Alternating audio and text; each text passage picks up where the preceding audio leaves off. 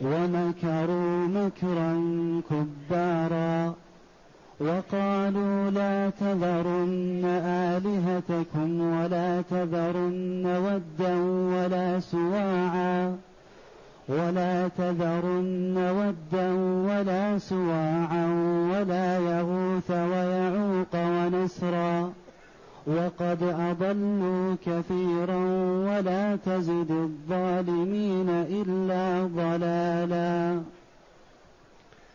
هذه الآيات الكريمة من سورة نوح على نبينا وعليه أفضل الصلاة والسلام. جاءت بعد قوله تبارك وتعالى ألم تروا كيف خلق الله سبع سماوات طباقا؟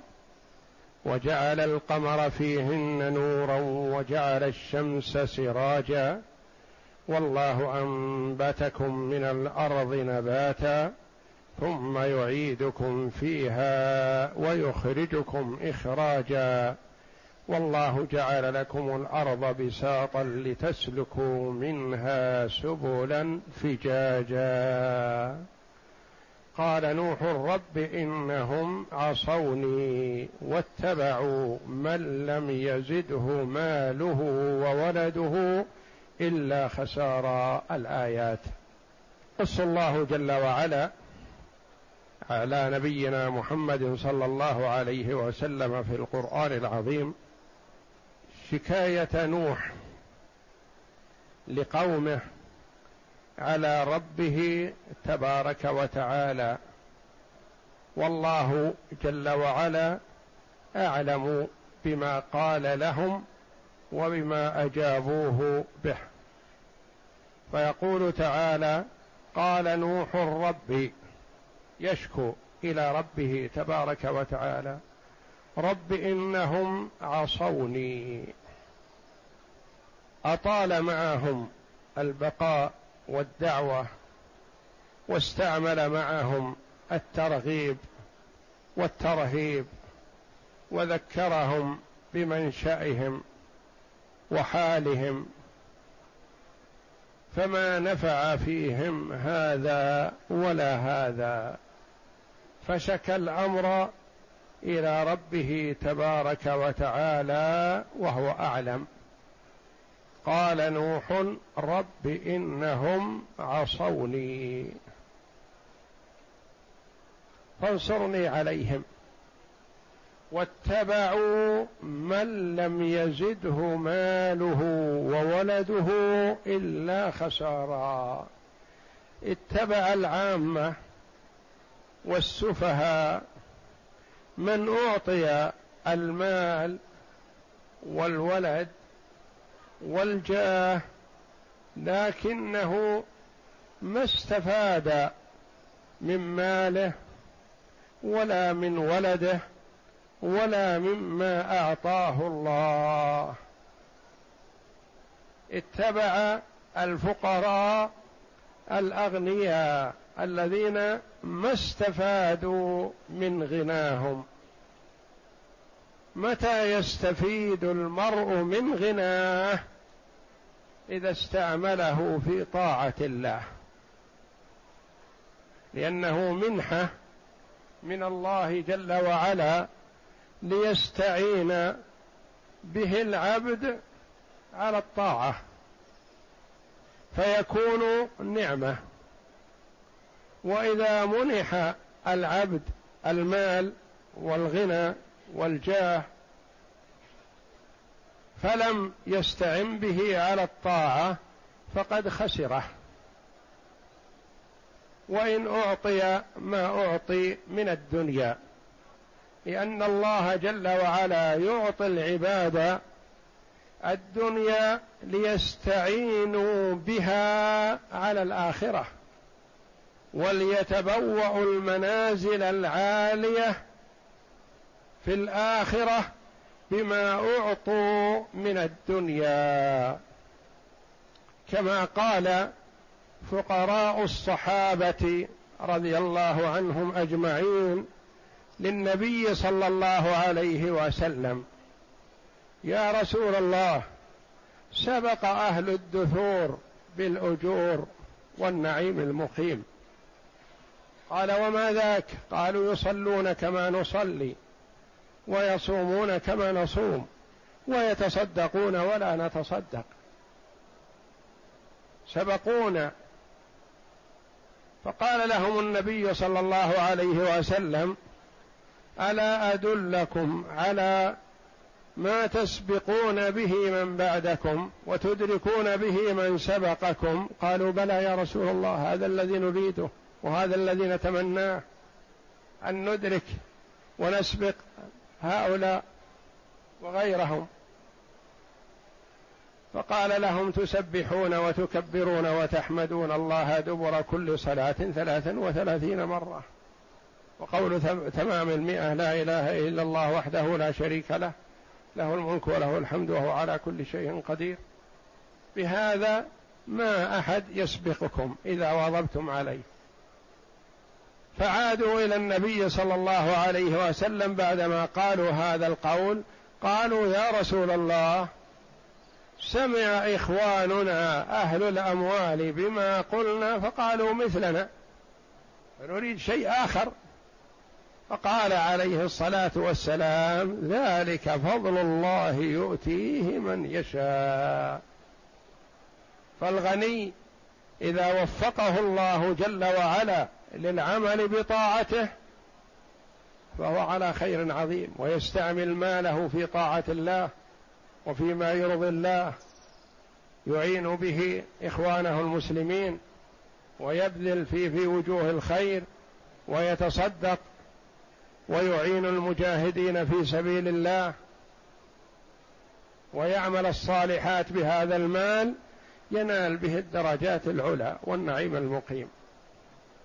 وإلا والعياذ بالله يكون وبالا على صاحبه نقمة يحاسب عليه ويستفيد منه غيره.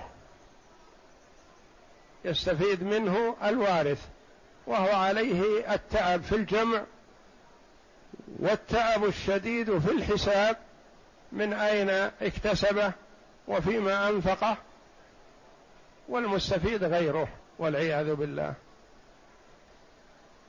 فالمال والولد إما أن يكونا نعمة وإما أن يكونا نقمة.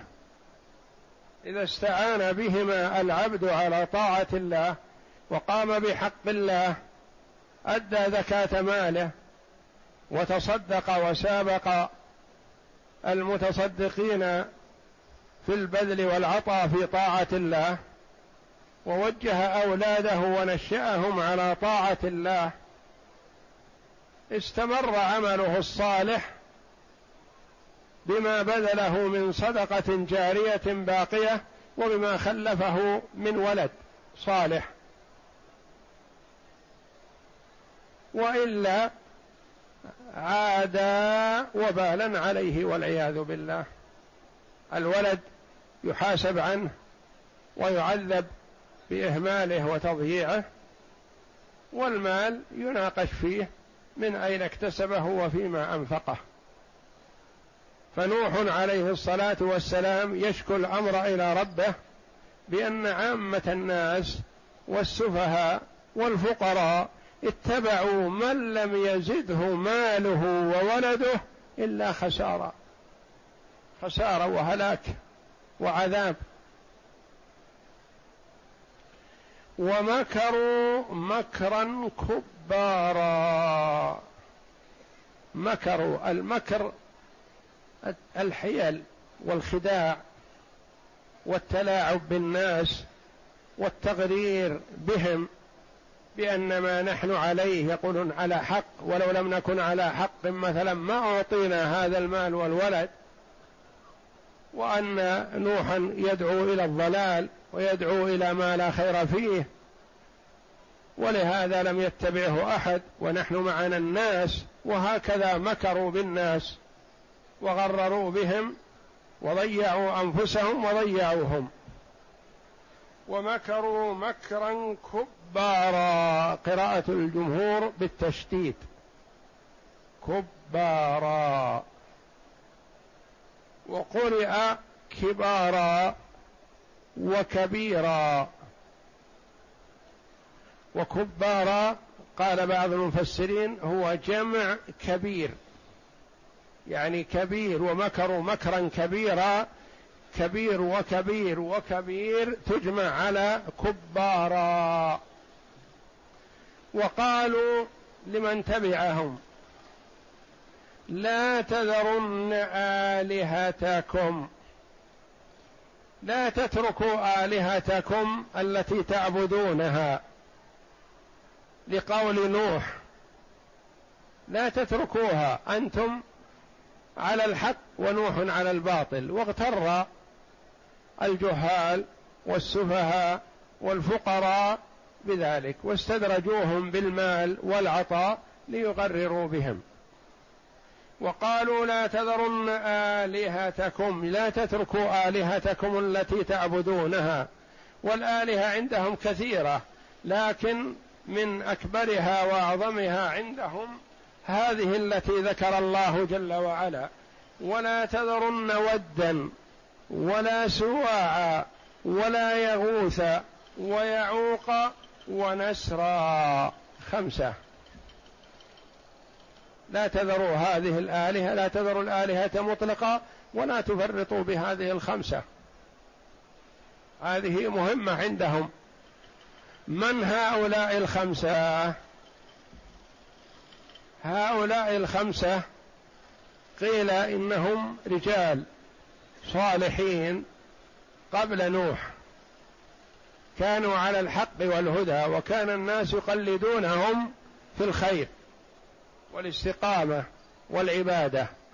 فماتوا فحزنوا عليهم. فجاء الشيطان إلى هؤلاء المتخلفين عنهم وقال لا تحزنوا أصور لكم صورهم وضعوها في مجالسهم وفي أماكن عبادتهم فكلما رأيتم صورهم تذكرتموهم وعبدتم الله مثلهم. تعينكم هذه الصور على العبادة وتذكركم بحال أسلافكم. وما كانوا عليه من الهدى والصلاح والاستقامة حتى تقلدوهم. لأنه اللعين طويل النفس.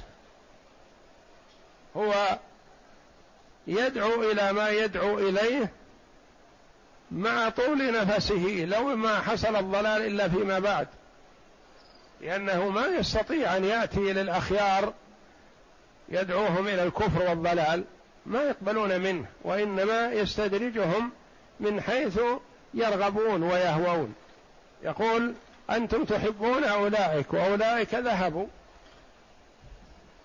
فاعملوا الشيء الذي يذكركم إياهم وتعبدوا الله مثل عبادتهم. وكلما رأيتم صورهم اجتهدتم في العبادة. فقالوا هذا خير. فصوروهم. أو أن الشيطان صورهم لهم من نحاس ورصاص. وجعل لهم هياكل وصورها بصورهم وأحضرها لهم فعبدوا ف فنصبوها في مجالسهم ولم يعبدوهم لأن هؤلاء يعبدون الله.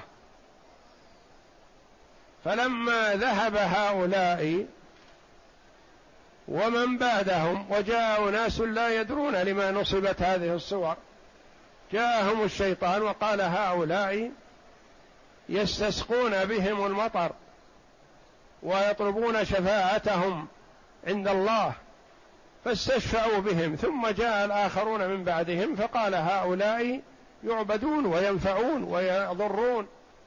من عبدهم نفعوه ومن أعرض عنهم ضروه. فعبدوا من دون الله. فأول شرك حدث في الأرض كان بسبب الصور. ولهذا حذر النبي صلى الله عليه وسلم من التصوير وشدد في هذا لأن عاقبته وخيمة. أشد الناس عذابا يوم القيامة المصورون. ورد أن المصور في الصحيحين يقذف هو صورته في النار ويقال للمصورين أحيوا ما خلقتم. ويقول الله جل وعلا ومن أظلم ممن ذهب يخلق كخلقي فليخلقوا حبة فليخلقوا ذرة فليخلقوا شعيرة. ما يستطيعون. فهم يراهون خلق الله والمراد ذوات الأرواح سواء كان من الآدميين أو من الحيوانات الحية ذوات الأرواح. بخلاف الأشياء التي ليس فيها حياة كالجبال والشجر والأنهار ونحو ذلك من المناظر. هذه لا بأس بتصويرها لأنها ليست من ذوات الأرواح. فقد حذر النبي صلى الله عليه وسلم من التصوير وشدد في هذا لما يترتب عليه من المساوي فيما بعد ولو طال الزمن. وأول شرك حدث في الأرض بسبب التصوير. فبعث الله جل وعلا نوحا على هؤلاء الذين يعبدون هذه الآلهة يدعوهم إلى عبادة الله وحده. لا تذرن ودا ولا سواعا ولا يغوث ولا ويعوق ونسرا. ترك تكرير لا قيل لتكررها فيما بعد فيما قبل. كررت ولا تذرن ودا ولا سواعا ولا يغوث. كرر ثلاث مرات وتركت في يعوق ونسر. على أن هذه الأسماء أسماء رجال صالحين. وقيل هذه الأسماء صورت على صور شتى. كأن كل صورة ترمز إلى صاحبها من الخمسة الذين كانوا قبل نوح. ود على صورة رجل قالوا كامل في الرجولة والاستقامة وسواع على صورة امرأة كاملة في العبادة ويغوث على صورة أسد ويعوق على سورة حصان فرس ونسر على سورة نسر طائر وكل واحد يرمز على إلى أن صاحبه يتميز بهذا. مثلا الأسد في الشجاعة والحصان في السرعة والنسر في آه، طول العمر والدوام لأنه ورد أنه من أطول الحيوانات عمرا النسر. ثم إن هذه الآلهة والمعبودات من زمن نوح ورثها العرب قبل بعثة النبي صلى الله عليه وسلم. فعبدوها من دون الله. فتوازعها توازعتها قبائل العرب كما ورد في البخ... عند الإمام البخاري وغيره رحمهم الله. عن ابن عباس رضي الله عنهما قال صارت الأوثان التي كانت تعبد في قوم نوح في العرب أما ود فكانت لكلب بدومة الجندل وأما سواع فكانت لهذيل وأما يغوث فكانت لمراد ثم لبني غطيف وأما يعوق فكانت لهمدان وأما نسر فكانت لحمير لآل ذي الكلاع. أسماء رجال صالحين من قوم نوح. فلما هلكوا أوحى الشيطان إلى قومهم أن انصبوا إلى مجالسهم الذي كانوا يجلسون فيها أنصابا وسموها بأسمائهم. ففعلوا فلم تعبد حتى هلك أولئك ونسخ العلم عبدت. فأرسل الله جل وعلا نوحا عليه الصلاة والسلام يدعو من عبد هؤلاء إلى عبادة الله وحده. وفي الصحيحين من حديث عائشة رضي الله عنها أن أم حبيبة وأم سلمة أم حبيبة وأم سلمة رضي الله عنهما أمهات المؤمنين من اللاتي هاجرن إلى الحبشة مع أزواجهن قبل رسول الله صلى الله عليه وسلم.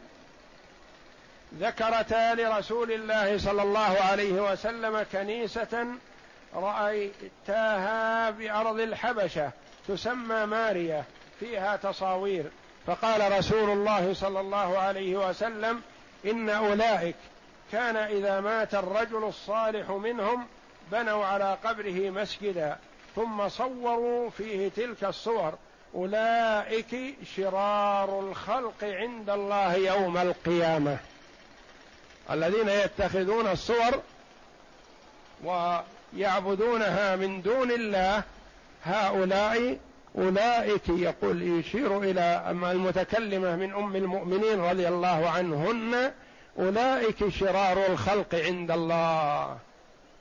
وكما قال عليه الصلاة والسلام شرار الخلق عند الله الذين تدركهم الساعة وهم أحياء والذين يتخذون القبور مساجد. فالذين يبنون على القبور المساجد يتبركون بأصحاب القبور أو يسألونهم أو يحرصون على الدعاء وسؤال الله عند قبورهم اولئك أولئكم شرار الخلق عند الله. يحذر صلى الله عليه وسلم من اتخاذ القبور مساجد. ولهذا لا تصح الصلاة لا فريضة ولا نافلة عند القبور وإنما التي تصح صلاة الجنازة خاصة لأنه ورد أن النبي صلى الله عليه وسلم صلى على بعض الأموات من الصحابة في المقبرة رضي الله عنهم عليه الصلاة والسلام. فصلاة الجنازة هي الوحيدة المستثناة التي تصح في المقابر. وأما الصلاة مطلقة فريضة أو نافلة ما تصح. ومثل ذلك كذلك لا يصح سجود السهو سجود الشكر ولا صلاة الاستخارة ولا أي صلاة في المقبرة. فالواجب على المسلم مثلا إذا شيع جنازة ثم حضر وقت الصلاة يجب على المشيعين أن يخرجوا عن المقبرة ولا يصلوا فيها حتى ولو كان فيها سعة ولو كان فيها بعد عن القبور. لكن مسمى المقبرة وأسوار المقبرة لا يصح أن نصلي فيها لا فريضة ولا نافلة لأن الصلاة فيها وإن كانت لله تبارك وتعالى فهي وسيلة إلى الشرك. والنبي صلى الله عليه وسلم سد كل باب يوصل إلى الشرك صلوات الله وسلامه عليه. حذر من الشرك التحذير البليغ ونهى أمته عن كل وسيلة قد يشم منها رائحة الشرك. ولهذا قال صلى الله عليه وسلم من حلف بغير الله فقد كفر أو أشرك. ونهانا عن التبرك بالأموات أو السؤال سؤال الله جل وعلا عند القبور. يعني ما يجوز للمسلم أن يتحرى الدعاء عند القبور وإنما إذا خرج مع الجنازة يدعو للميت ويدعو للأموات لكن ما يقصد أن يتحرى الدعاء للأموات أو لنفسه عند القبور ظنا منه أن الموطن موطن إجابة لا مواطن الإجابة المساجد. ومواطن الإجابة أقرب ما يكون العبد من ربه وهو ساجد. ويتحرى أوقات الإجابة مثل أوقات السحر ومثل بين الأذان والإقامة.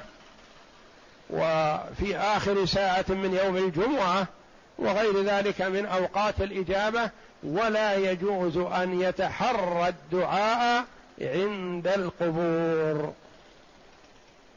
ولا تذرن ودا ولا سواعا ولا يغوث ويعوق ونسرا. وقد أضلوا كثيرا. أضلوا. قال بعض المفسرين رحمهم الله يجوز أن يعود الضمير إلى من لم يزده ماله وولده إلا خسارا. اضلوا الناس بأموالهم وجاههم وما أعطوا من المال والولد والجاه. ويجوز أن يعود الضمير إلى هذه المعبودات من دون الله جل وعلا. وقد أضلوا يعني هذه المعبودات أضلت كثيرا من الناس. كما قال الخليل عليه الصلاة والسلام واجنبني وبني أن نعبد الأصنام. وقال رب إنهن أضللن كثيرا من الناس. ف المعبودات من دون الله تضل الناس وتغري الناس والشيطان يشجع عليها وأهل الباطل يكرمون من يفعل ذلك. كل هذا إضلال عن الحق والعياذ بالله. وقد أضلوا كثيرا. إضلال كثير وليس بسهل أو يسير. ولا تزد الظالمين إلا ضلالا. يعني أنه عليه الصلاة والسلام أيس بعدما أخبره الله جل وعلا بأنه لن يؤمن من قومك إلا من قد آمن دعا عليهم بهذا الدعاء. كما دعا موسى عليه الصلاة والسلام على فرعون وقومه.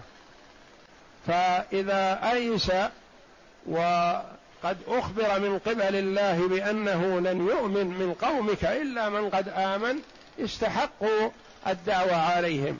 ولا يقال إن نوحا عليه الصلاة والسلام تعجل. لا. مكث فيهم كم؟ ألف سنة إلا خمسين عاما.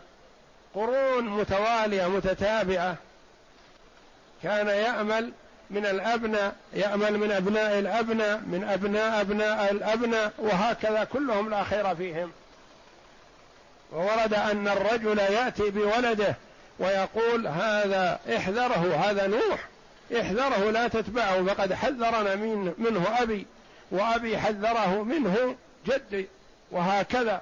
يحذر بعضهم بعضا من اتباع نوح عليه السلام وهو مكث فيهم هذا المكث الطويل ومع هذا ما آمن معه إلا قليل يعدون على الأصابع لأنهم من حملتهم السفينة مع ما حملت من الحيوانات والبهائم والطيور والحشرات وغير ذلك من المخلوقات من آمن مع نوح. امرأته ما آمنت به ابنه ما آمن به. لحكمة يريدها الله جل وعلا ولدلالة العباد على أن لا يتكل المرء على أبيه الصالح أو على جده الصالح أو تتكل المرأة على زوجها أو يتكل الزوج على زوجته بأنها تدعو له. وهكذا ما يتكل أحد على أحد إلا على الله جل وعلا ثم على عمله وما يقدمه. فكل له عمله ما يطمع في عمل الآخرين إلا مع الإيمان بالله تبارك وتعالى. قد يثيب الله جل وعلا الاباء برفع الأبناء مع الإيمان كما قال الله جل وعلا والذين آمنوا واتبعتهم ذريتهم بإيمان ألحقنا بهم ذريتهم وما ألتناهم من عملهم من شيء ما نقصهم الله جل وعلا من عملهم وإنما رفع الأبناء لتقر أعين الآباء والأجداد. ولا تزد الظالمين إلا ضلالا فلا خير فيهم فدعا عليهم فاستجاب الله جل وعلا له دعوته وأنجاه ومن آمن به في السفينة في الفلك. وأغرق سائر أهل الأرض لأنهم عصوا نبيهم صلى الله عليه وسلم. والله أعلم وصلى الله وسلم وبارك على عبده ورسول نبينا محمد وعلى آله وصحبه أجمعين.